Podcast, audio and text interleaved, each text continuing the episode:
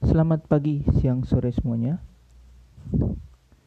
Uh, akhirnya bisa rekaman lagi, walaupun ya gitulah. Yang dengerin segitu-segitu aja, nggak masalah. Yang penting bisa oh, tercurahkan apa yang ada di pikiranku soal apa game, uh, game, film yang akan aku bahas hari ini. Jadi hari ini bakal bahas soal Daikaiju no Ato Shimas atau uh, judul bahasa Inggrisnya itu What to Do with the Dead Kaiju. Tayang di Jepangnya di negara aslinya itu Februari 2022 tapi kemarin masuk Indonesia baru akhir Juli. 27 ya hari pertama. Pokoknya aku nonton hari pertama aku ingat di 27 Juli 2022 jadi sebelum masuk ke filmnya ada recent update dulu. Uh, minggu eh bukan minggu ini sih apa? Drama ini musimnya spring apa apa sih?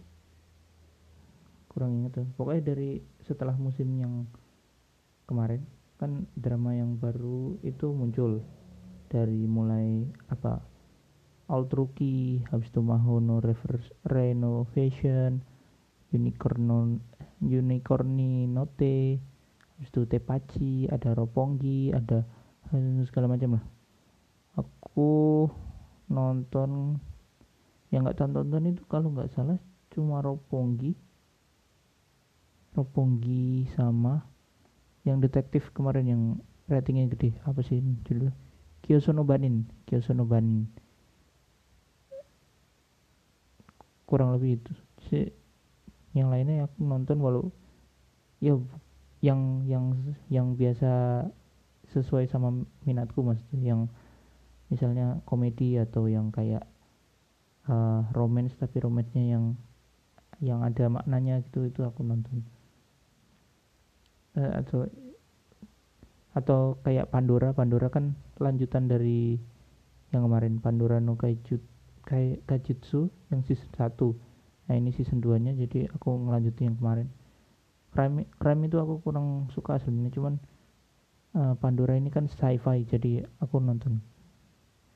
Rekomendasiku dari drama season baru itu si Old Rookie. Old Rookie itu bagus bukan karena Mbak Ikuta Erika ada di situ cuman karena apa ya uh, uh, di sana konflik ya, ceritanya itu enak diikutin dari awal di mana dia itu aslinya mantan apa namanya uh, sepak bola pesepak bola pemain nasional lah ya yang udah pernah main di timnas gitu.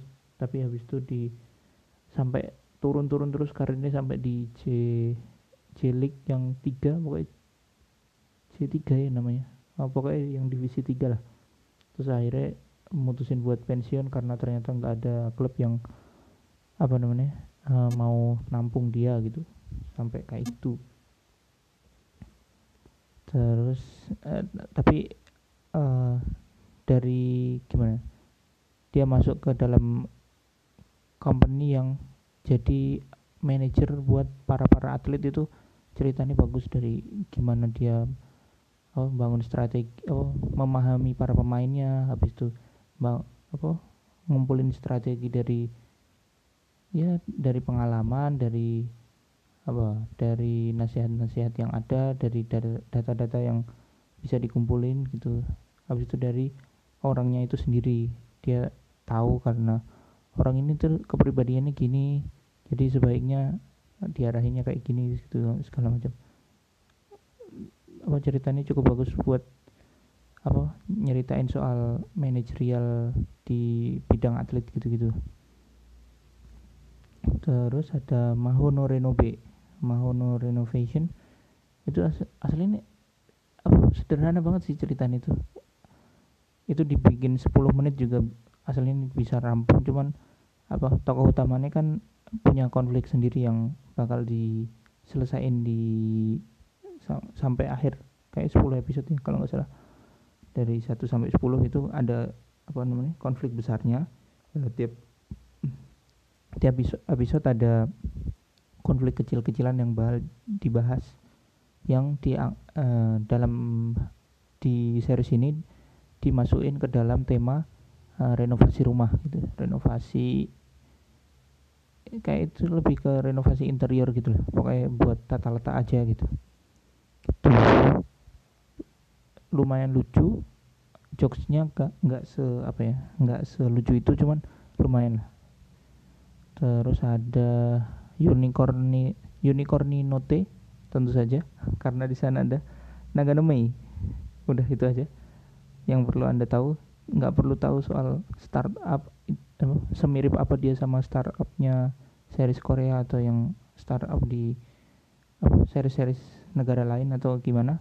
Pokoknya tahu aja tokoh utamanya Nagano Mei gue bakal tahu sebagus apa series itu kan tahu dibintangi oleh beliau. Terus ada Ishiko to Ishiko to Haneo Sonakoto de Utemas. Aku kurang tahu ini. Oh judulnya panjang banget. Itu yang main Mbak Arimora Kasumi itu loh yang nyeritain soal apa paralegal sama pengacara yang yang pengacaranya itu apa gimana kurang pinter orangnya tapi sekali lihat langsung bisa hafal. Sementara Mbak Arimura Kasuminya itu uh, di sana jadi paralegal di tempat firma hukum kecil-kecilannya bapaknya soalnya nggak lulus lulus pengacara. Walaupun dia itu dari SMA dari kuliah itu ranking terus apa namanya nilainya bagus-bagus tapi waktu ujian pengacara berapa sih? 10 kali ya? Apa berapa kali gitu? Itu nggak lulus terus gitu itu bagus. So, ngajarin soal hukum walaupun kecil-kecilan itu. Di sana bagus cara mecahin apa kasus-kasusnya gitu. Sederhana-sederhana dari game online. Terus apa lagi? Aku agak lupa. Oke uh, kasusnya sederhana cuman pas diangkat jadi ini jadi oh iya ya ternyata kasus ini tuh ini kayak gini aja cukup gitu. Nggak perlu saya sama sampai kayak yang di uh, extraordinary attorney Wu itu yang kayak gitu. Itu kan emang beneran uh, seri soal hukum gitu. Yang ini cuma ya uh, dua level di bawahnya. Masalahnya cuma sederhana sederhana aja. Terus ada Hatsukai no Akuma. Hatsukoi no Akuma. Hatsukoi no Akuma itu nyeritain soal uh, sama soal crime resolve kayak Pandora gitu cuman uh, dipecahinnya sama empat orang di sini. Nggak nggak kayak Pandora itu bener-bener apa ya uh, otak utamanya itu si uh, Pak itu Pak Kohi sama Bu Dokter Mogami. Itu doang kan. Pokoknya semua semua ininya itu ben, penyelesaian masalahnya nanti di waktu dia mikir oh tapi kalau di Hatsukoi no Akuma mereka sampai empat orang itu sampai bikin market sendiri buat nyelesain kasus-kasusnya gitu. Aku keren effort-effortnya terus jokes-jokesnya apa apa namanya kasusnya juga gimana ya bilangnya kayak tak kira itu kasusnya sederhana kayak gini gitu ah ini paling solusinya gini. Oh ternyata solusinya eh, bukan solusinya. Ternyata kejadian di balik itu tuh malah hal yang nggak diduga gitu kayak gitu. Terus yang terakhir Pandora no Kajutsu season 2 itu buat yang nonton season satunya aja. Soalnya kalau oh, dari season 1 nggak tertarik kayak season 2 bakal agak lebih kurang tertarik. Soalnya season 1 isinya satu episode itu satu masalah gitu. Walaupun uh, bukan villain sih ya ada orang yang kayak jadi biang kerok gitu. Cuman pada akhirnya satu masalah satu selesai gitu. Tapi di season 2 ini dari awal sampai akhir itu masalah utamanya dari cuman dari satu satu apa namanya satu perusahaan ini yang tukang utak atik gen manusia akhirnya bikin aneh-aneh lah pokoknya masalahnya dari orang yang bisa apa, marah sampai bisa apa nerbangin orang terus ada klon segala macam ah gitu. Pandora kayak gitu. Jadi 6 episode itu cuma diisi sama satu masalah utama di penulisan itu. Tuh sementara yang kemarin kan apa masalahnya banyak satu-satu oke? okay?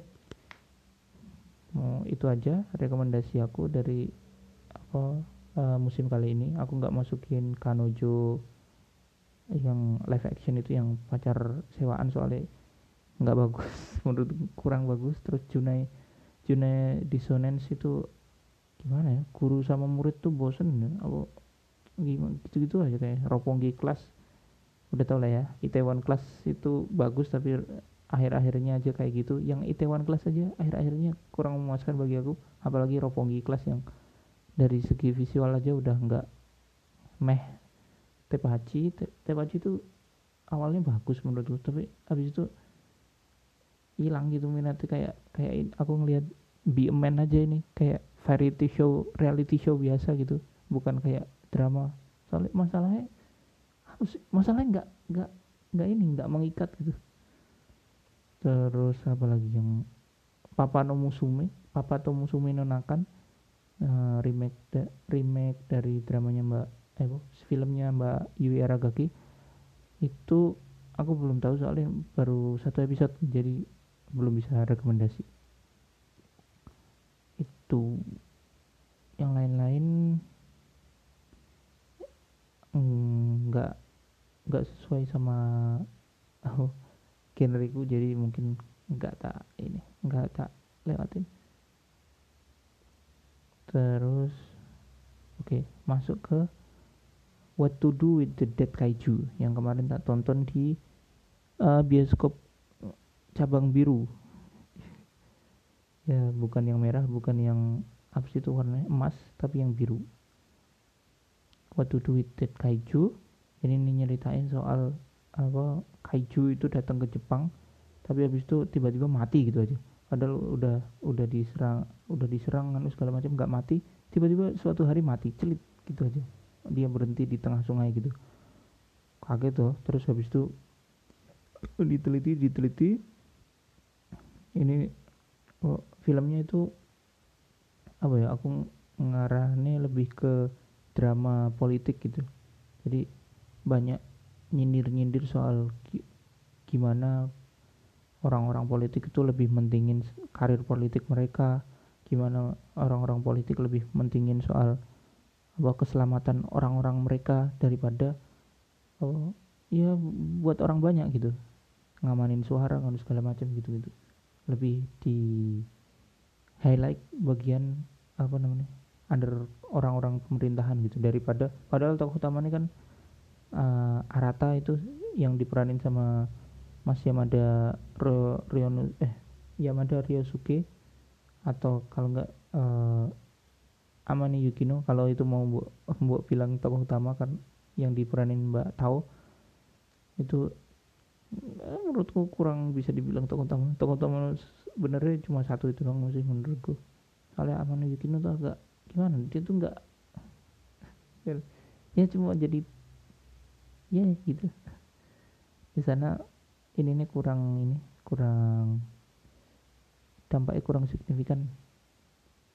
Oleh si oh, Arata itu kan orang yang dulu di apa waktu pertama kali kemunculan Kaido eh Kaido Kaiju itu dia sempat hilang dua tahun nih. Dua tahun kalau nggak tiga tahun gitu. Tiba-tiba hilang terus tiba-tiba balik lagi gitu. Di, apa terus orang-orang bertanya-tanya gitu soal nganu. Tapi tiba-tiba pas dia balik lagi beberapa saat kemudian tiba-tiba mati kan eh, si si apa namanya kaijunya. Terus dia ditugasin uh, jadi apa namanya buat uh, bersih-bersih gitu si bangke kaijunya itu. Awal-awal waktu dibilang kaijunya bersih dia nggak ada apa nih radiasi atau penyakit atau bakteri atau segala macam tiba-tiba Cina langsung ngomong kalau kaiju itu kan jalan dari perairan kita harusnya itu punya punya kita gitu nggak eh, terus habis itu masalahnya tiba-tiba kaijunya ternyata membusuk terus bikin apa ya kayak ada di permukaan luarnya kayak ada lesi kayak ada apa namanya kayak ada luka tapi ada airnya itu loh yang pokoknya benjolan yang ada airnya tapi pas pecahin nanti berbau gitu. Kayak bisul apa apa sih kalau di tubuh manusia? Itulah. Di situ terus itunya pecah terus bau eh ternyata gila banget. Terus orang-orang ya uh, waktu bau eh itu pecah bau eh pecah. Ya pokoknya bisul itu pecah terus Cina ngomong kalau itu kalau bawa eh sampai ke negara kita kita bakal tuntut Jepang. Pokoknya ini benar-benar soal politik banget gitu. Sampai aku nggak nyadar kalau ada komedinya gitu. Komedinya tuh subtle banget kayak barely barely ada gitu. Kayak, kayak bener-bener nggak nggak nggak ketahuan. Cuma cuma slapstick dikit-dikit gitu. Cuma apa komedi apa namanya komedi kata-kata gitu gitu gitu doang. Nggak nggak gitu kan. Walaupun di tag genrenya itu tulisnya komedi drama sama fantasi tapi menurutku komedinya harus nggak di depan gitu. Komedi drama fantasi apa. Terus uh, solusi yang dicoba buat nyingkirin si bangke ini banyak banget lah. Dari ya dia pertamanya mikir bahwa ini mungkin bisa dipakai buat jadi apa namanya uh, apa uh, pariwisata gitu. Jadinya harus di di es dibekuin terus ditaruh di museum kan terus pas dibekuin ternyata oh, suhu nih kaiju itu panas akhirnya waktu di terus oh, waktu di settingnya itu lagi musim semi ya kalau nggak salah. Jadi waktu dibekuin ternyata malah ini apa namanya malah malah bikin ini pecah si lesinya tadi yang lukanya tadi yang lembung yang ada bau eh itu. Itu. Terus habis itu dicoba yang kedua itu di boy dia di, dicoba segala macam si Amane Yukino juga ngusulin segala macam terus anu akhirnya pokoknya solusi terakhirnya ada ini. Cuma buat solusi sementara sih itu. Di ini di, di lokal yang ada di sekitar bukan luka sih. Uh, pokoknya tubuh kaijunya itu dibor. Terus habis itu uh, asap ya bukan asap baunya itu kan tadi melembung ke atas. Kalau kalau bor nanti le, dari lubangnya itu tadi keluar si baunya tadi. Nah baunya tadi di di pompa ya di dinaikin ke stratosfer buat ngilangin itu semua gitu kan. Itu di akhir-akhir gitu. Akhirnya pokoknya itu yang dilakuin. Walaupun bangkainya nggak nggak hilang tapi akhirnya itu yang dilakuin. Yang si tim apa perdana menteri apa sih? Pokoknya penasihat perdana menteri itu mereka setuju kalau pakai roket gitu. Sementara si Arata, Arata apa manual manual ngebor sendiri gitu. Terus waktu ngebor segala macam kena roket kan oh ternyata. Di akhir-akhir ternyata kita tahu bahwa tidak mungkin dong film kaiju tidak ada si itu. Ternyata kalau si itu itu muncul dari awal Deus Ex Machina itu muncul dari awal nggak perlu itu orang apa nah uh, apa istilahnya kan solusinya banyak ya ada yang di tadi apa sih dibekuin dibekuin itu kan bikin gelembungnya tadi pecah. Nggak perlu orang harus nyium si gelembung ini apa gelembungnya itu tadi yang bau itu habis itu nggak perlu orang harus ngungsi segala macam dari radius kaiju itu soalnya takut baunya anu segala macam itu. Kalau si Deus Ex Machina muncul dari awal aja. Tapi kalau dia muncul dari awal tentu aja nggak bakal jadi film kayak gini kan. Nggak perlu apa namanya nggak perlu diributin sama petinggi-petinggi negara sampai segala macam sampai gelut sampai ngerusain meja gitu gara-gara iki harusnya urusanmu kenapa kau malah meleng dari eh, kenapa tugasmu nggak dikerjain dengan baik dan segala macam? Ini kenapa kau malah bocorin data-data rusuh banget pokoknya pemerintahan nih highlight utamanya di pemerintahannya sih. Orang lapangannya itu cuma ya jadi jadi itulah. Jadi teman tokoh utama. Gitu. Tapi menurutku apa layak diikutin. Kalau gue pengen tahu eh pengen nonton tambahan film soal yang nyindir nyindir soal pemerintah kebobrokan pemerintah. Terutama di sini nyindir Jepang kan. Ya Jepang kemarin pas covid juga awal-awal kayak gitu. Soalnya kapal yang mau masuk itu ditahan di perbatasan sampai gila sampai berapa bulan. Terus habis itu waktu si Olimpiade itu semua orang yang masuk nggak boleh eh, semua orang di perbatasan ditahan di imigrasi kecuali atlet cuma atlet yang boleh masuk. Oh gila Jepang itu aneh banget. Terus lihat sekarang udah gelombang ketujuh dia.